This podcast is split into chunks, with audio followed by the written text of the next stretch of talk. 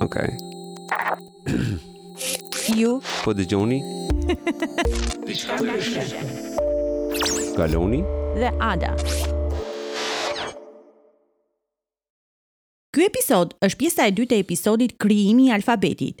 Në qoftë se nuk e keni dëgjuar, pjesën e parë, ju sugjerojmë që të ktheheni mbrapa dhe ta dëgjoni. Fotografitë që i përkasin kësaj teme i kemi vendosur në Instagramin tonë Diçka Ndryshe Podcast. Na ndiqni atje edhe për informacione të tjera. Rreth viteve një mijë e pesëdhjetë para erës sonë, shfaqet alfabeti fenikas. Ky alfabet ishte një ndërthurje mes shkrimeve demotike, hieroglifet dhe shkrimi kjuniform. Ata kishin vendos njëzet e një simbole që do të përfaqësonin shumicën e shkronjave, por duke lanë pothuajse gjitha zanoret jashtë saj. Ky grupim simbolesh do njihet edhe si alfabeti i parë që përdor një shkronjë për çdo tingull. Fenikasit ishin një popull që jetonin në të njëjtin rajon ku ndodhet sot Siria Perëndimore dhe Libani. Ato nuk ishin një qeveri qendrore, po ishin qytete, shtete, me një gjuhë dhe kulturë të përbashkët.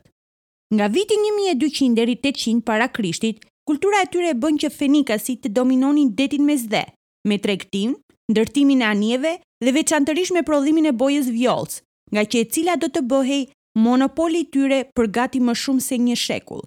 Prandaj dhe emri Fenikas vjen pikërisht nga kjo ngjyrë, që do të thotë ngjyra vjollcë në gjuhën greke. Fenikasit duke qenë popull që përdornin tregtinë si punë kryesore, e kishin të domosdoshme të shënonin mallrat që tregtonin, dhe e vetmja mënyrë për të ba një gja të tillë, do ishte duke përdorë shkrimin. Për ato shkrimi me baltë argjile siç kishin ba paraardhësit e tyne me kjuniform, nuk do ishte i përshtatshëm. Ato kishin nevojë që të përdornin diçka të lehtë, të vogël dhe të shpejtë, dhe këtë mundësi ia jepte vetëm papirusi. që egjiptianët e kishin përdorur për të shkruar shumicën e kohës, sidomos për shkrimin demotik, që në një mënyrë do të ndihmonte dhe për thjeshtimin e shkronjave të alfabetit.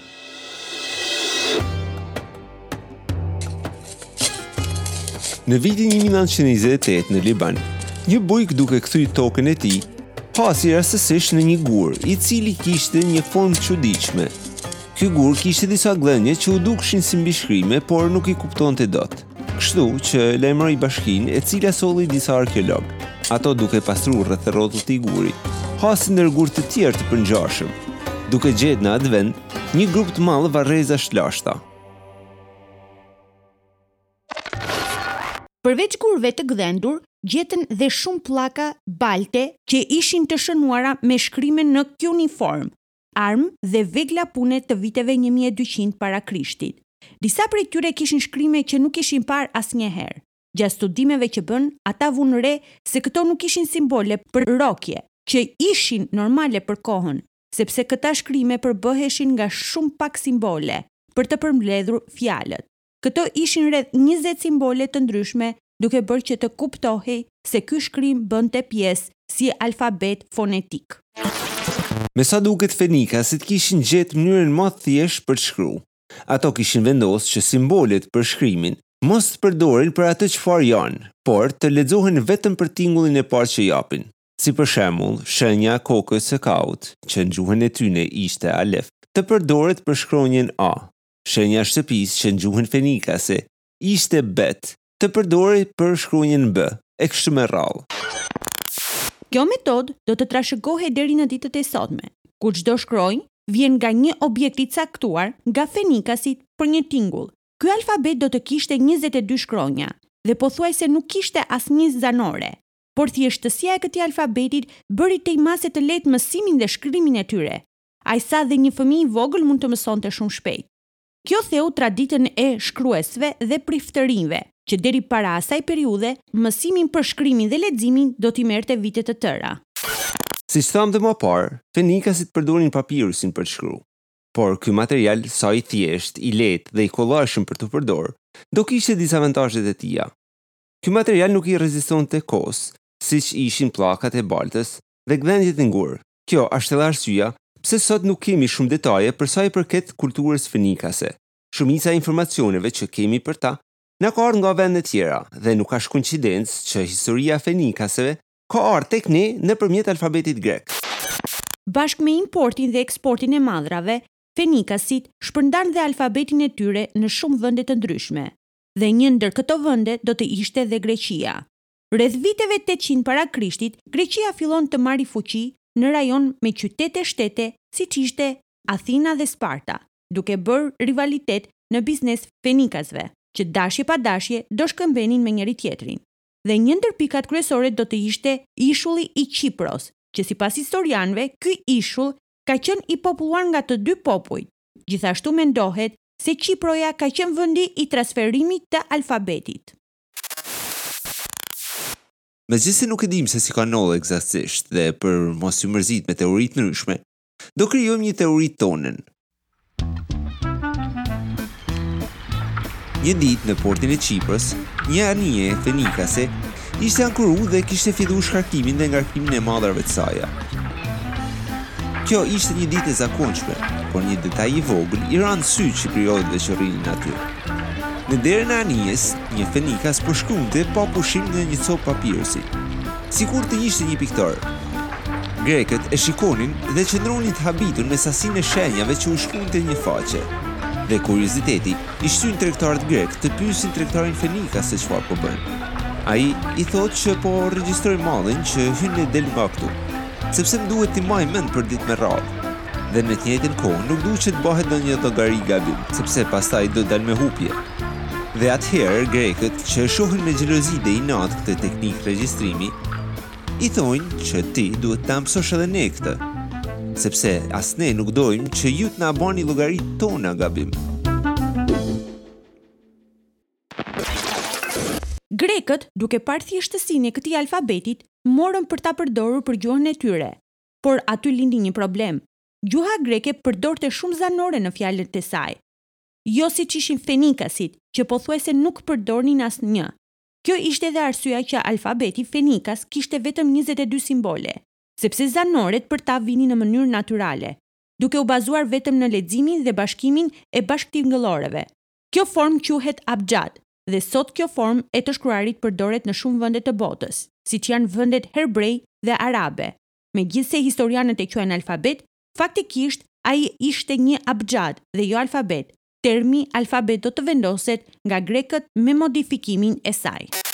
Në periudhën greko-mikene në shekullin e gjashtëmbëdhjetë, grekët kishin një sistem shkrimi që ishte i bazum me simbole për rrokje, Kjo është edhe ajo periudhë që disa studiues shqiptarë mendojnë se ai shkrim kishte ma shumë të përafërt me gjuhën shqipe se sa me atë greke. Kjo është një teori relativisht e re për alfabetin ilir. Ky sistem do humbasi përdorimin e tij duke u zhdukë totalisht, prandaj grekët e kishin vendin e hapun për një shkrim të ri, dhe alfabeti fenikas mund t'ia mbushte lehtë këtë boshllëk.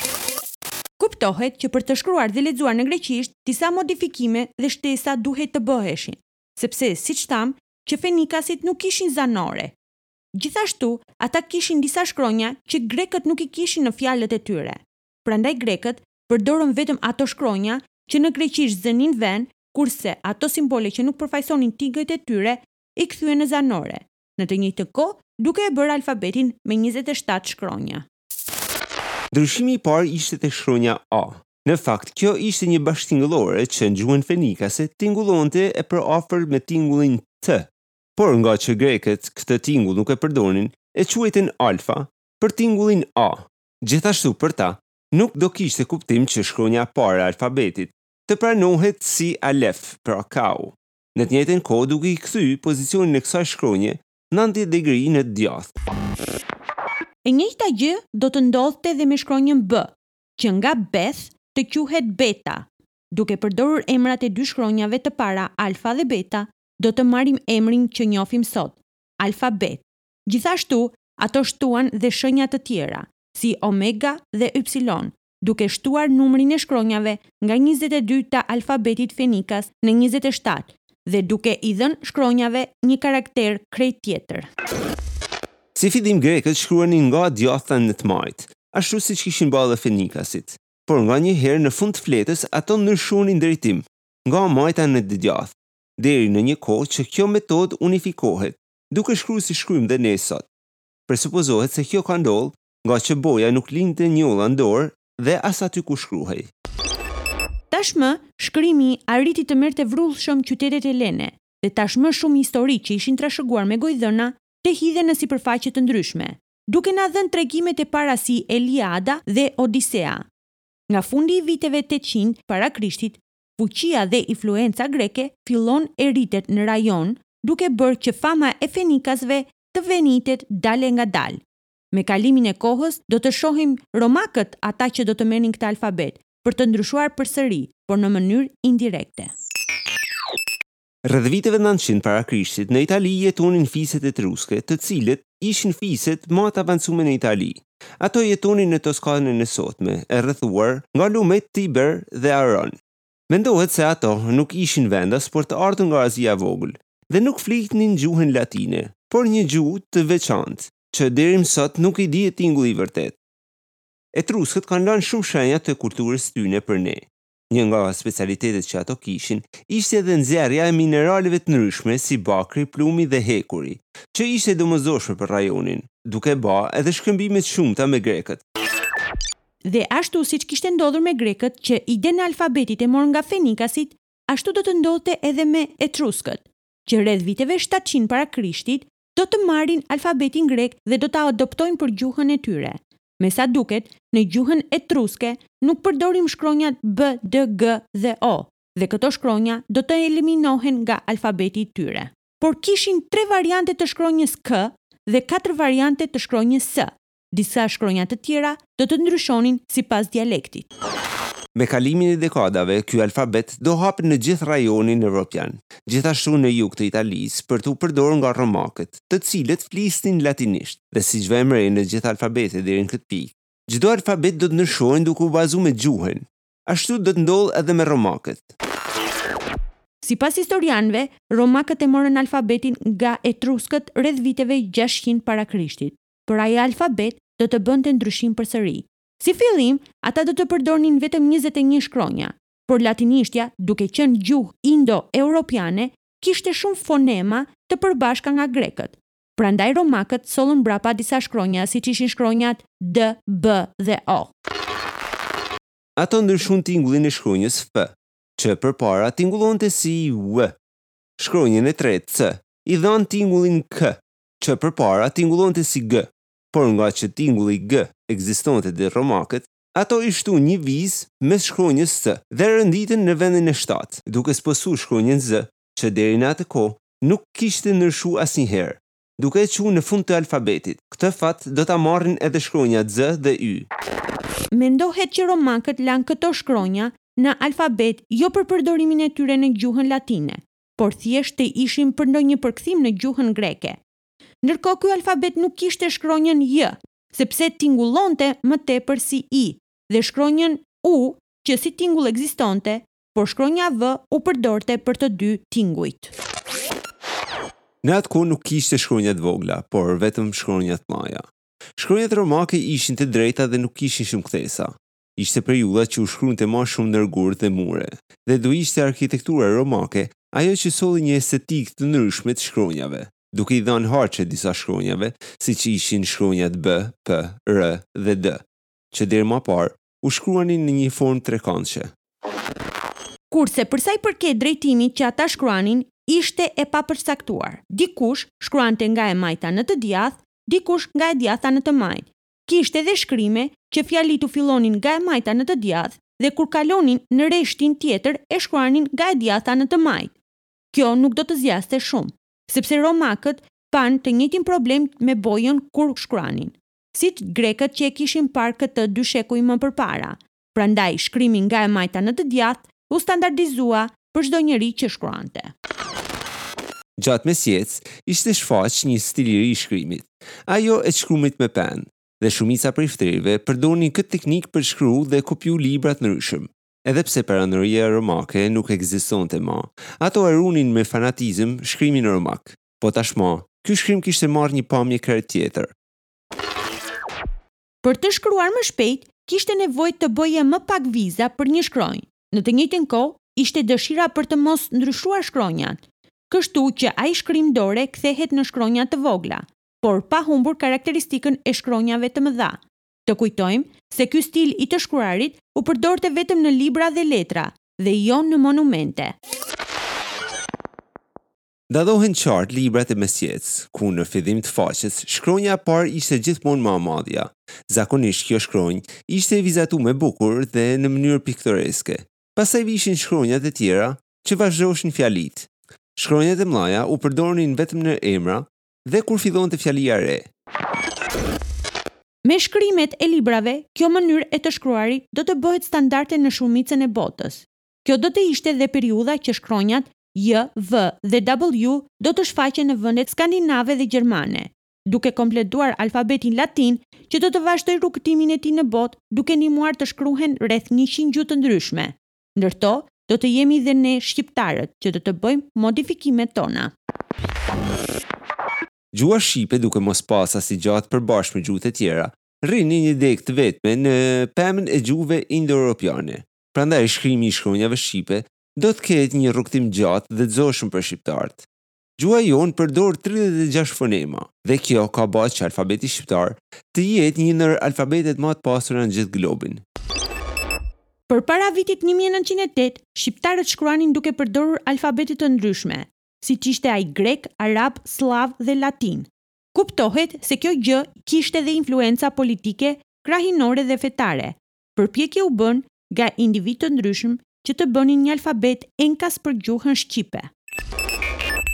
Do të jenë dy nga këto alfabete që do shfaqen fillim.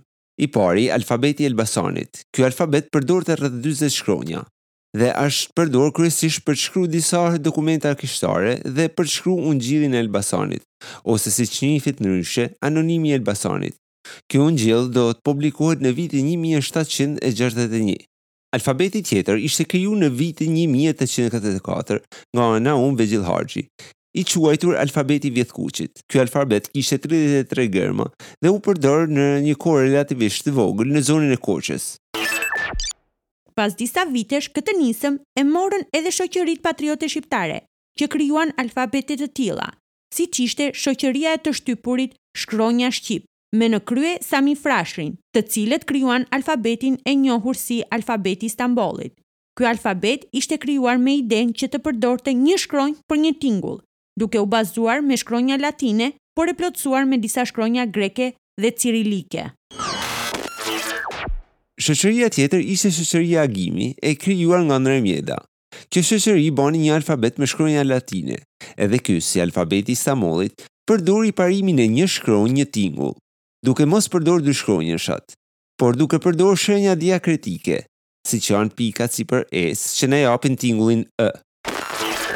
Në të njëjtën kohë shoqëria Bashkimi, e krijuar nga Imzot Preng Doçi dhe e drejtuar nga At Gjergj Fishta, kishte krijuar alfabetin e tyre duke përdorur alfabetin latin, Por ndryshimi që kishte ky alfabet me të tjerët ishte përdorimi i dy shkronjave për disa tinguj, siç ishte S dhe H për shkronjën sh, pastaj për tingujt e tjerë si dh, ll, xh dhe zh, të cilët ishin vendosur për arsye që do të ishte më e lehtë për shtypin e asaj kohe.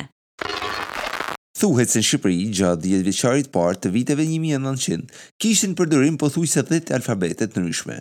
kjo mori alfabetesh, bani që politikat antishqiptare ta përdorin këtë situatë si armë asimilimi. Priftërit grekë dhe sllavë, i mallkun shkronjat shqipe, gjithashtu, ato persona që shkrunin e lexonin shqip. Nga ana tjetër, turqit që thonin se myslimanët, po lexonin e shkruanin në gërma latine, do të ktheheshin të krishterë. Duke pa këtë, intelektualë nga e gjithë Shqipnia dhe diaspora, vendosin të mblidhen bashkë e ta zgjidhin njëherë e mirë këtë çështje.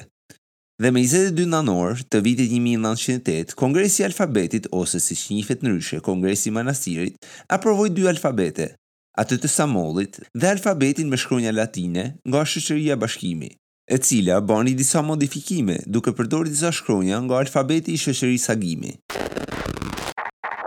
Ideja ishte që këta dy alfabete të përdoreshin paralelisht, dhe t'ia linin kohës për të vendosur se cilin nga këta ABC do të ishte më i përdorur, me mendimin që, mbas dy vitesh, të bëhet një kongres i dytë në Janinë, që të caktohej se cili nga këta alfabete do të ishte më i përshtatur. Por siç e dimë, alfabeti i Stambollit fillon e zhduket, nga që alfabeti latin u përqafu ma shumë nga shqiptarët. Gjithashtu një arsye tjetër ishin edhe dyshkronjëshat, që alfabetit të Stambollit i mungonin, Këtë gjë e kishte parashiku vetë At Gjergj Fishta në Kongresin e Manastirit, duke theksu lehtësimin që dyshkronjëshat do t'i jepnin shtypit të kohës. Në nëntor të këtij viti bëhen plot njëqind e trembëdhjetë vite që gjuha jonë, një ndër gjuhët më të vjetra në botë, të shkruhet me alfabetin e saj. Si gjithë gjuhët e tjera, Dhe ne, me këto shkronja, mund të dëgjojmë fjalimet për liri e pushtim, që heronjtë dhe tiranët bënë në atë kohë. Do të shikojmë ndërtimet e tempujve dhe flijimet që u bënë në to. Do të ndjejmë erën që fishkullonte nga shpatat e gladiatorëve dhe tingujt e kamzhikut të skllevërve. E kështu me radhë do të kthehemi mbrapa në kohë, duke përjetuar atë që nuk kemi përjetuar asnjëherë.